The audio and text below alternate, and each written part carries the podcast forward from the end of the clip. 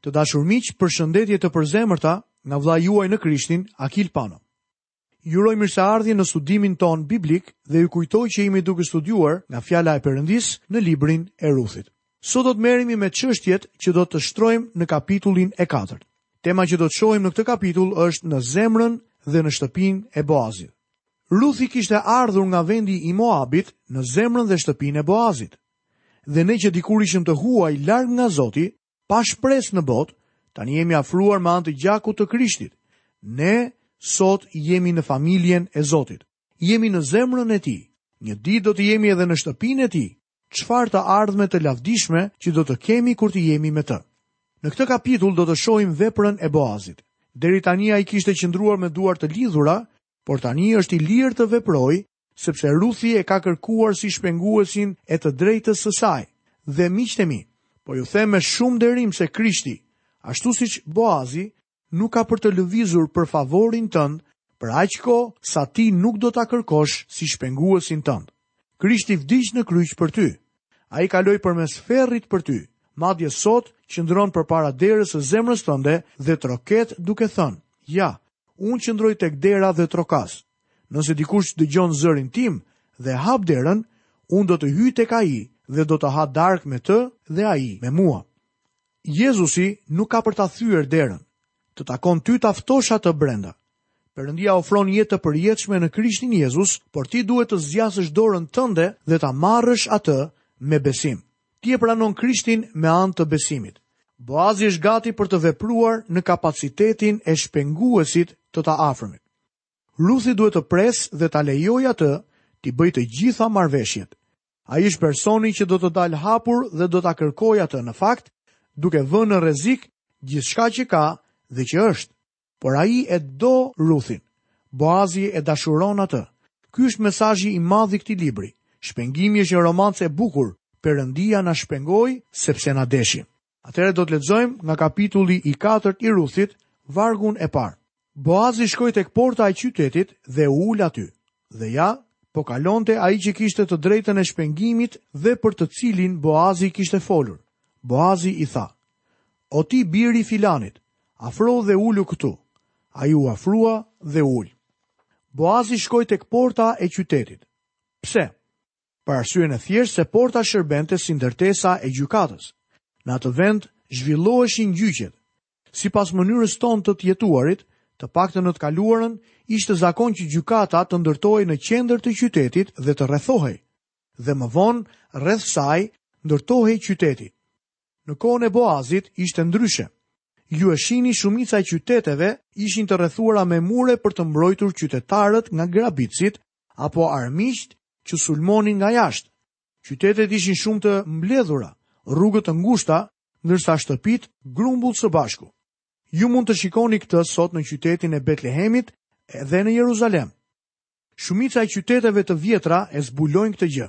Betlehemi në kohën e Ruthit ishte një vend i tillë, kështu që porta ishte vendi ku hynte dhe dilte gjithsecili. Në atë kohë, nëse doje të shikoje dikë, sidomos të shtunën, mund të shkoje aty ku ndodhej gjykata dhe shanset ishin të shumta që mund ta takoje. Tani në kohën e Testamentit të Vjetër, individët shkonin tek porta. Boazi shkoi tek porta për dy arsye. Në atë vend bëhej gjyqi dhe ai do ta çonte të afërmin tjetër në gjyq. Arsyeja e dytë ishte se ai e dinte që ky i afërm herët a vonë do të hynte ose do të dilte atë ditë nga porta. Kështu që ai shkoi tek porta dhe u ul dhe po priste për të. Lexojmë në vargun e dytë. Boazi mori atëherë dhjetë burra nga pleqtë e qytetit dhe u tha atyre, uluni këtu, ata u ulën. Na thuhet se ai merr dhjetë nga pleqtë e qytetit, ata ishin personat që caktonin gjyqtarët. Kjo është gjykata dhe këtu ndodhemi përpara një seance gjyqi. Në librin e Zanafillës do të gjeni se burrat që erdhën në qytetin e Sodomës e gjetën Lotin të ulur tek porta.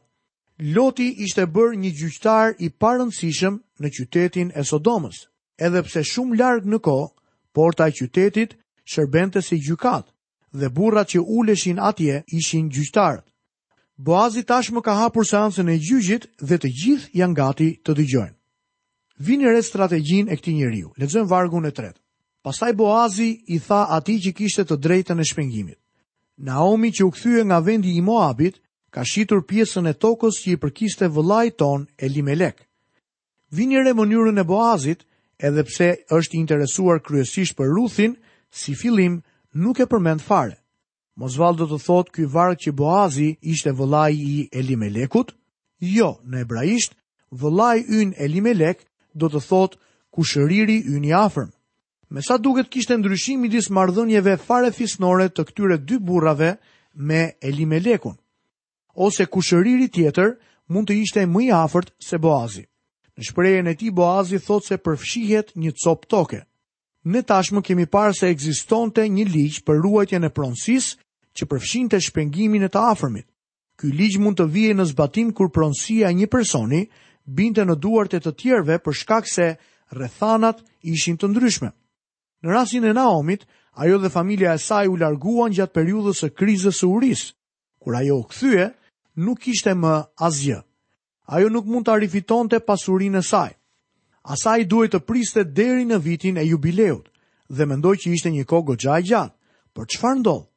A do të dalë ndonjë shpengues? Boazi po tërheq vëmendjen e këtij të afërmi jo tek Ruthi, por tek pronësia që i përkiste Elimelekut. Ai dëshiron të dijë nëse ky i afërm do ta shpengojë atë pronësi. Mendoj se ky është një hap i arsyeshëm. Pronësia duhet të shpengohej përpara se të shpengohej personi. Tani Boazi thotë. Lexojmë vargun e katërt. Mendova të të informoj dhe të të them. Blije në prani të banorëve të vendit dhe të pleqve të popullit tim. Në rast se do ta shpengosh, shpengoje. Por në rast se nuk ke ndër mend ta shpengosh, ma thuaj që ta di edhe unë, sepse asnjë njeri veç teje nuk gëzon të drejtën e shpengimit dhe pas teje vij unë. Ai iu përgjigj, Do të kërkoj të drejtën time. Me fjalë të tjera, Boazi i jep këtij njeriu pronësinë që i përket. Pyetja është, A dëshiron ky njeri të jetë shpenguesi? A do ta shpengojë ai këtë pronësi në mënyrë që t'i jepet Naomit para vitit të Jubileut? Interesante është se ky njeri i përgjigjet në mënyrë pohuese. Ai thotë, po, do të kërkoj të drejtën time.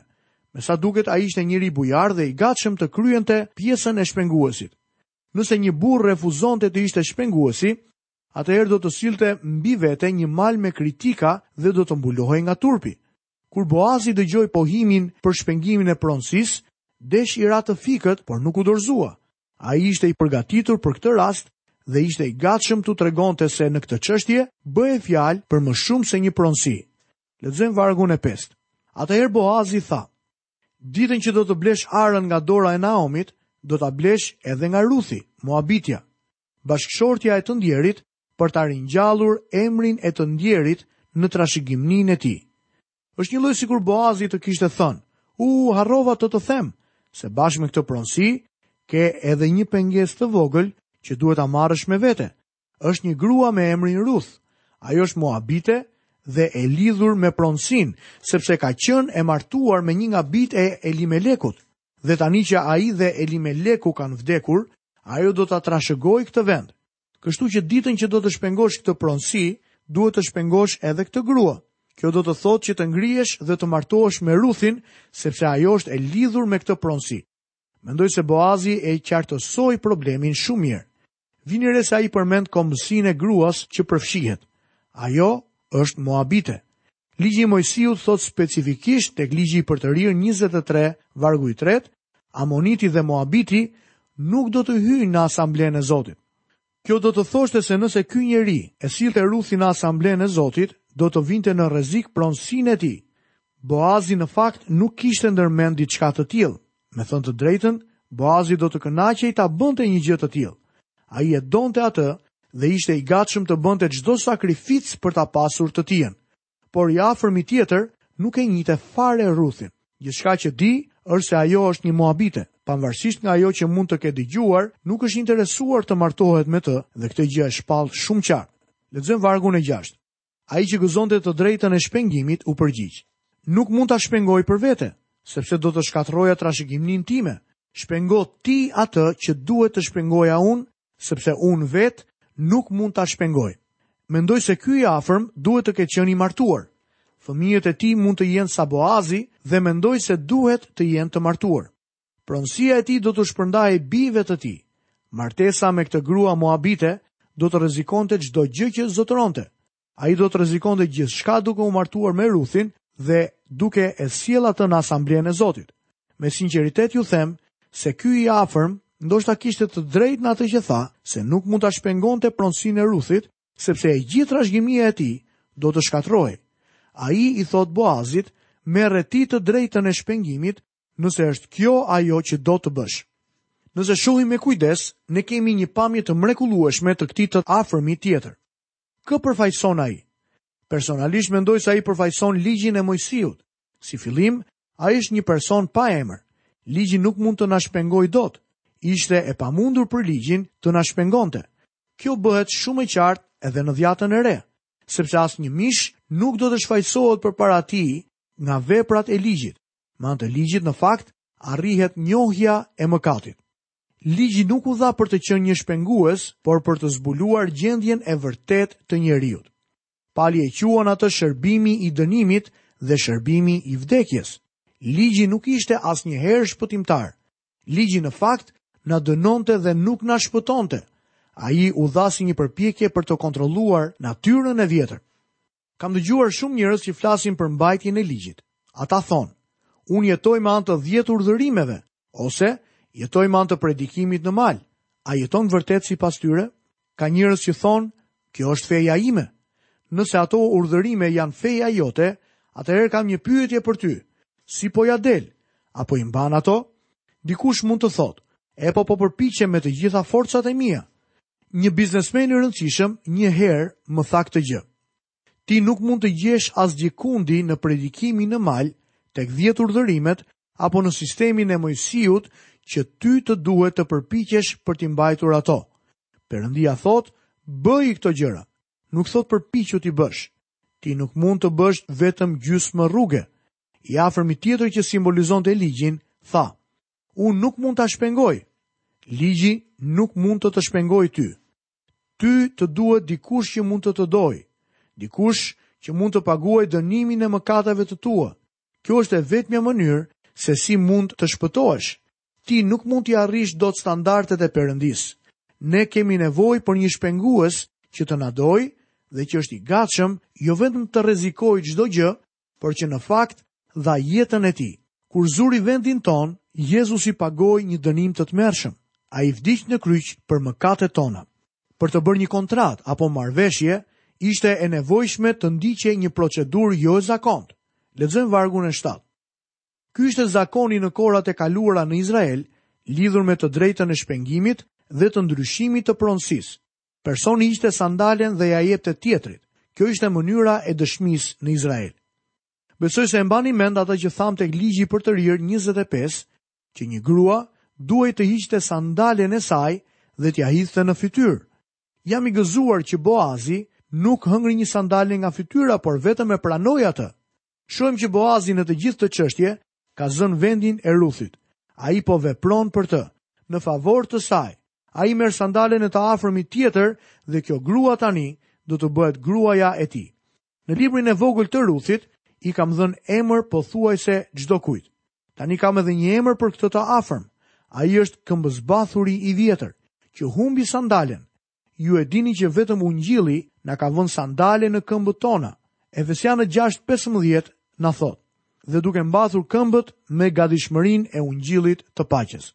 Miqtë e mi, ligji i vjetër është këmbëzbathur, ai nuk mund t'ju shpëtojë aspak. Lexojmë vargjet 8 deri në vargun e 10. Kështu ai që gëzonte të drejtën e shpengimit i tha Boazit: "Blije ti vetë, dhe hoqi sandalen. Atëherë Boazi u tha pleqve dhe tërë popullit, Ju sot jeni dëshmitarë që unë bleva sot në duart e Naomit të gjitha ato që ishin pronë e Elimelekut të Kilionit dhe të Mahlonit. Gjithashtu bleva për grua Ruthin, Moabiten, bashkëshorten e Mahlonit për ta ringjallur emrin e të ndjerit në trashëgiminë e tij, me qëllim që emri i të ndjerit